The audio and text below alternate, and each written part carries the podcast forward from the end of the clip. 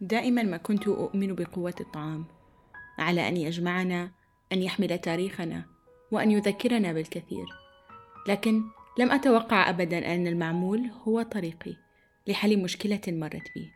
معكم جيهان الخطيب من بودكاست دائرة. اليوم هو عيد الأضحى. كل عام وأنتم بخير. كل عام وأنتم مجتمعون مع عائلاتكم وأصدقائكم.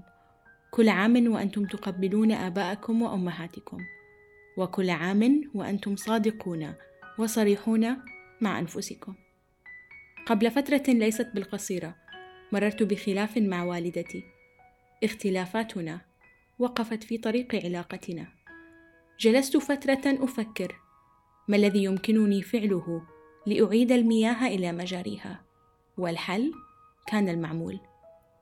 في الوقت الذي كانت فيه علاقتنا تمر ببعض المطبات جمعتنا وصفة المعمول من المحلب وخليط من السميد الخشن والناعم إلى بهار الكعك وماء الورد والزهر. فرقتنا اختلافاتنا وجمعتنا قوالب المعمول ودرجة حرارة الفرن. وكما يخرج العجين من القالب الخشبي بعد ضربه ليصبح جميلا وأقوى خرجت علاقتنا من هذه التجربة أقوى من ذي قبل لكن المعمول لم يكن البطل الوحيد في هذه القصة بل هي أمي تحدثت معي عن اختلافاتنا أخبرتني بأنها لا تتفق معي لا توافقني لكنها تحبني.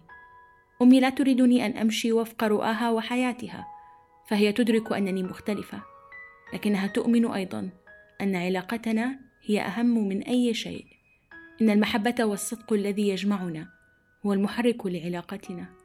إن مشاركتي لها ما أحب وما أكره وما أفعل هو ما يقربنا سويا. وأنني مهما حاولت أن أنكر فأنا نسخة مصغرة عن والدتي. أكره أن يكون مطبخي مكركبا أهوى جمع الأكواب والصحون الجميلة. أحب دائما أن أتعلم كل جديد لكنني أيضا أخصص وقتا لمشاهدة مسلسلي المفضل. أمي علمتني أنك لا تستطيع أن تجبر أحدا على أي شيء لا يؤمن به بلا حجة أو إقناع بأن السماع والحديث والنقاش هو الطريق الأوحد بأنه يجب عليك أن تكون صديقا وقدوة لأولادك أن تعاملهم بالمعروف والطيب أن تتحدث معهم أن تناقشهم ولا تقطع حبل المودة بينك وبينهم. وكما قال جبران خليل جبران في كتابه النبي أولادكم ليسوا لكم. أولادكم أبناء الحياة المشتاقة إلى نفسها. بكم يأتون إلى العالم وليس منكم. ومع أنهم يعيشون معكم فهم ليسوا ملكا لكم. أنتم تستطيعون أن تمنحوهم محبتكم ولكنكم لا تقدرون أن تغرسوا فيهم بذور أفكاركم لأن لهم أفكارا خاصة بهم. أتذكر المرة الأولى التي شاهدت فيها الفيلم اليوناني دوك توث. كانت المرة الأولى التي أدخل فيها عالم المخرج يوريوس لانثيموس. مشاهد بين السادية والتوق للحرية تحكم الآباء بأبنائهم. كيف يعتم الأب على رؤية أبنائه للعالم الخارجي؟ كيف أن المرجع الوحيد للأولاد هو الآباء؟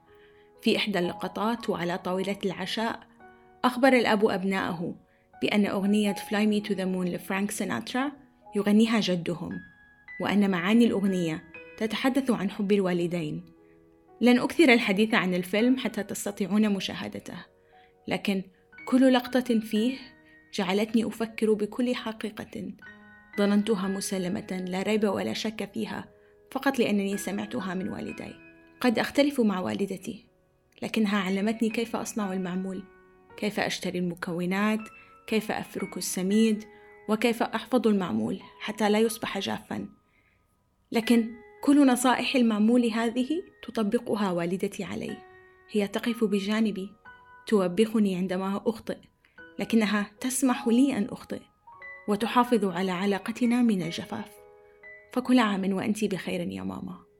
أحبك.